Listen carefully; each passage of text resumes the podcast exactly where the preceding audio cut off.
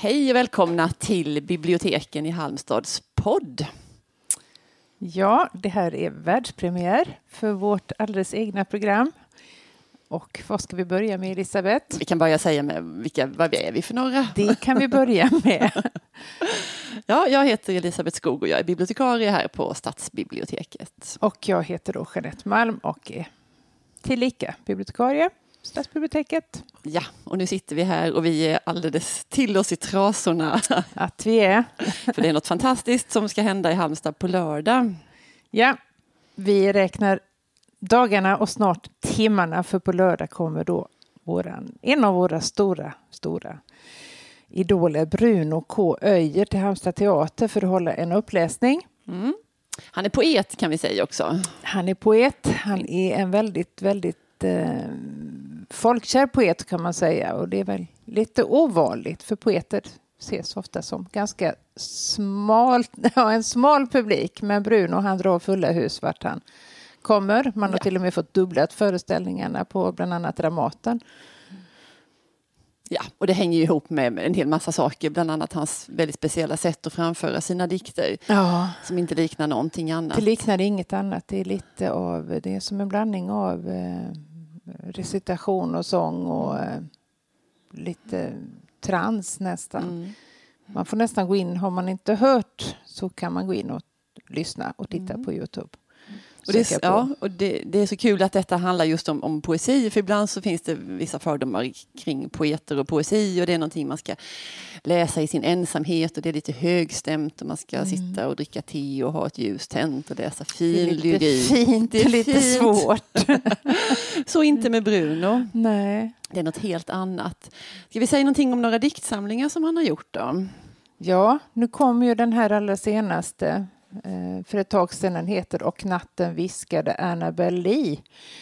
Och eh, jättevacker titel men eh, eftersom jag är yrkesskadad bibliotekarie så var jag tvungen att kolla vad kommer vi med den här Annabelle Lee och det visade sig då krävde ingen större yrkesskicklighet att ta reda på det in på Google och skriva in titeln och då fick jag upp i eh, en intervju som Öjer hade gjort där han berättade om en av sina stora förebilder som är Edgar Allan Poe och hans fru heter då Annabelle Lee. Så man kan säga att den här diktsamlingen är då en hyllning till bland annat Poe och många andra poeter. Mm. Det är lite kul att veta sånt. Man undrar lite onekligen, vad då Annabelle Lee? Ja, precis. När det är ett namn så vill man ju veta vem, vem är det. Ja, men du, när vi pratar om namn då så är det ju lite märkligt det här K, Bruno K, Öje. För det brukar ju vara så där annars när man har en initial instucken i sitt namn så brukar det vara för att man ska särskilja sig från andra som heter nästan mm. likadant så vill man markera att jag är någon annan än de där andra som heter så. Men Bruno Öje finns det ju, det går ju inte att förväxla med någon annan. Varför envisas han med detta K? Nej, och det är så lustigt för det har jag aldrig brytt mig om att ta reda på. Eh, helt olikt mig. Men eh, i samband med Anna Berli så fick även detta eh, sin förklaring. Och K kom då Bruno på eh, när han fortfarande hette Bruno Öje som 11-åring. Han gick i fyran, femman. kom han på att han behövde någonting mellan Bruno och Öjer. Och eftersom han då hette Kenneth i mellannamn så stoppade han in Bruno K Öjer sitter ju som en smäck kan man säga. Ja, absolut. Men, ska tilläggas, eh, någon gång på 90-talet, så nu, numera så står inte K för Kenneth Lenn utan det står för Keats. Poeten? Poeten, den stora 1800-talsromantiken Keats som är då ytterligare en av eh, Brunos förebilder. Ja, festligt och lite rörande sådär att en 11-åring upptäcker det osköna vokalmötet i Bruno Öijer. ja, det säger så mycket om Bruno som barn. Han kan ju inte ha varit ett alldeles eh, dussinbarn om Nej. man säger så. Nej, men och det ligger ju någonting i saken också för det blir ju, det, det smetar ju ihop det där Bruno. Ja, han har helt rätt. Ja, helt rätt. K stagar upp hela namnet mm. som en fyrbåk står det där i mitten. Och man hoppar ju själv aldrig över det utan man säger Nej. ju verkligen alltid Bruno K. Öje. Ja. Så är det. Så är det. Men vi har ju en liten favorit i... Eh, Om vi har. Både i den nya diktsamlingen och den förra som ja. kom 2008. Och den var han August-nominerad för och det var väldigt många som trodde att han skulle knipa priset det året. Ja, det blev P.O. Enquist tror det. jag istället. Men det är Ja. också det som är roligt faktiskt med, med Bruno K. Att han är ju lika älskad av kritikerna som av Mm. publiken. Ganska ovanlig kombination när det handlar om författare. Ja. Han har fått mängder med priser. Vi kan inte räkna upp dem alla här. Nej, Men det gör vi inte. det gör vi inte. Martinsonpriset och Denios pris bland annat. Ja, om det inte var Nordiska rådet också. Ja. Vi säger det. Vi säger det. Han borde, har han inte fått det så Nej, borde han ha fått precis. det eller borde få det snart. Ja. Eh, något annat som, som vi måste ha med här det är ju att vi blir väldigt upptagna av, av texter och av eh, fina formuleringar. Och Jeanette brukar alltid skrika Åh, titta jag får gåshud, det knottrar sig på armen. Det är en fysisk upplevelse att läsa ska ni veta.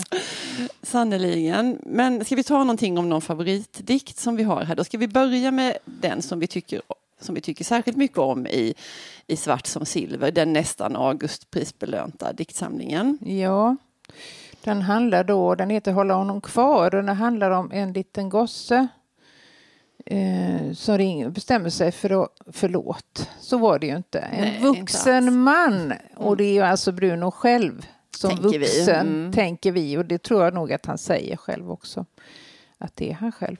Han bestämmer sig för att ringa upp sitt barndomsjag. Mm. Han vill sätta sig i förbindelse med den gosse han var för länge sedan. Och i dikten målar han upp en, en interiör av det här barndomshemmet med kakelugnen som står tyst och kall som en drottning. Det där att hon är kall är ju ganska intressant för annars tänker man att det skulle vara något som förmedlade värme och Mm. ombonat och sådär. Men, men det är inte riktigt den känslan man får. Eh, där ligger också en, en tunn, eh, tom portmonnä på Mager till och med. en mager, det var mycket finare. En mager portmonnä på, på köksbordet.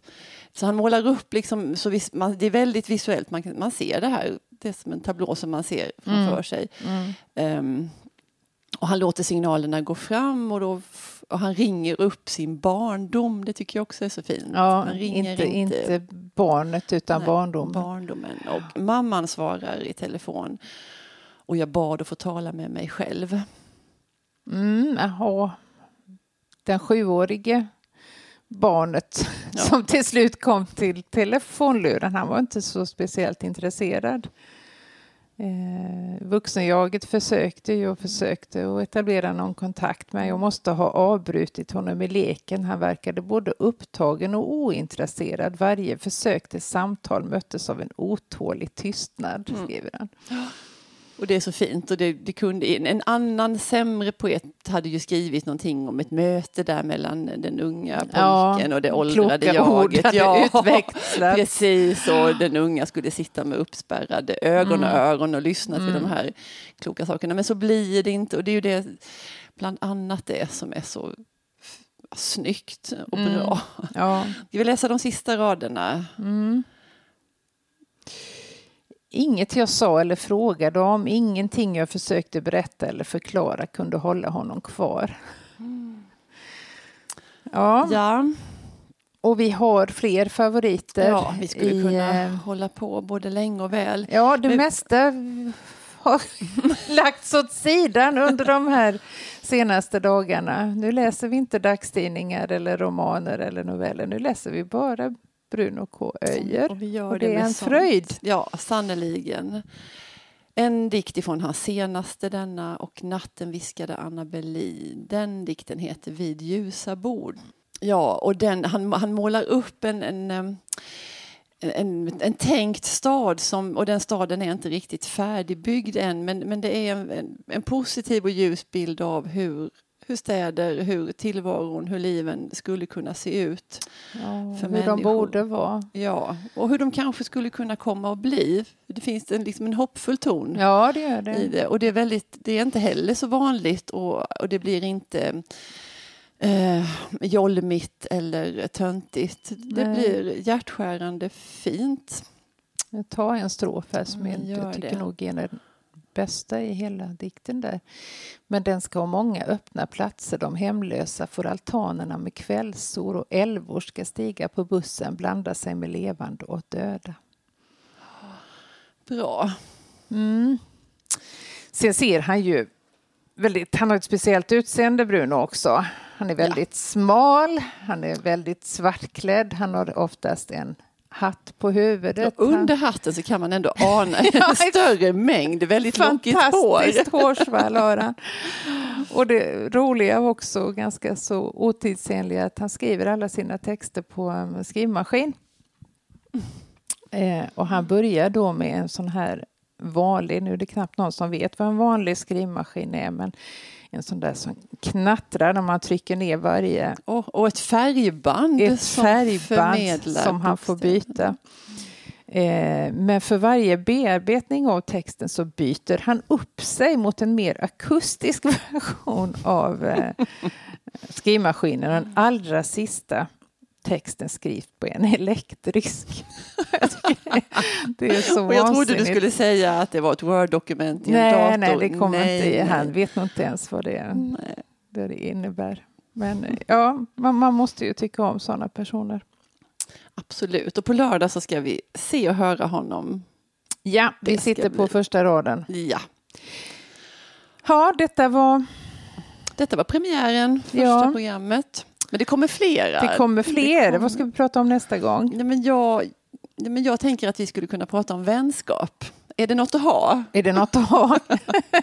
Orkar vi med det? Hinner vi det? Ja, jag tror det. Nej, vi ska det... gräva i hyllorna här på biblioteket. Ja. Både på högt och lågt så ska vi nog kunna skrapa fram något. Vi ses. Mm. Hej då. Hej då.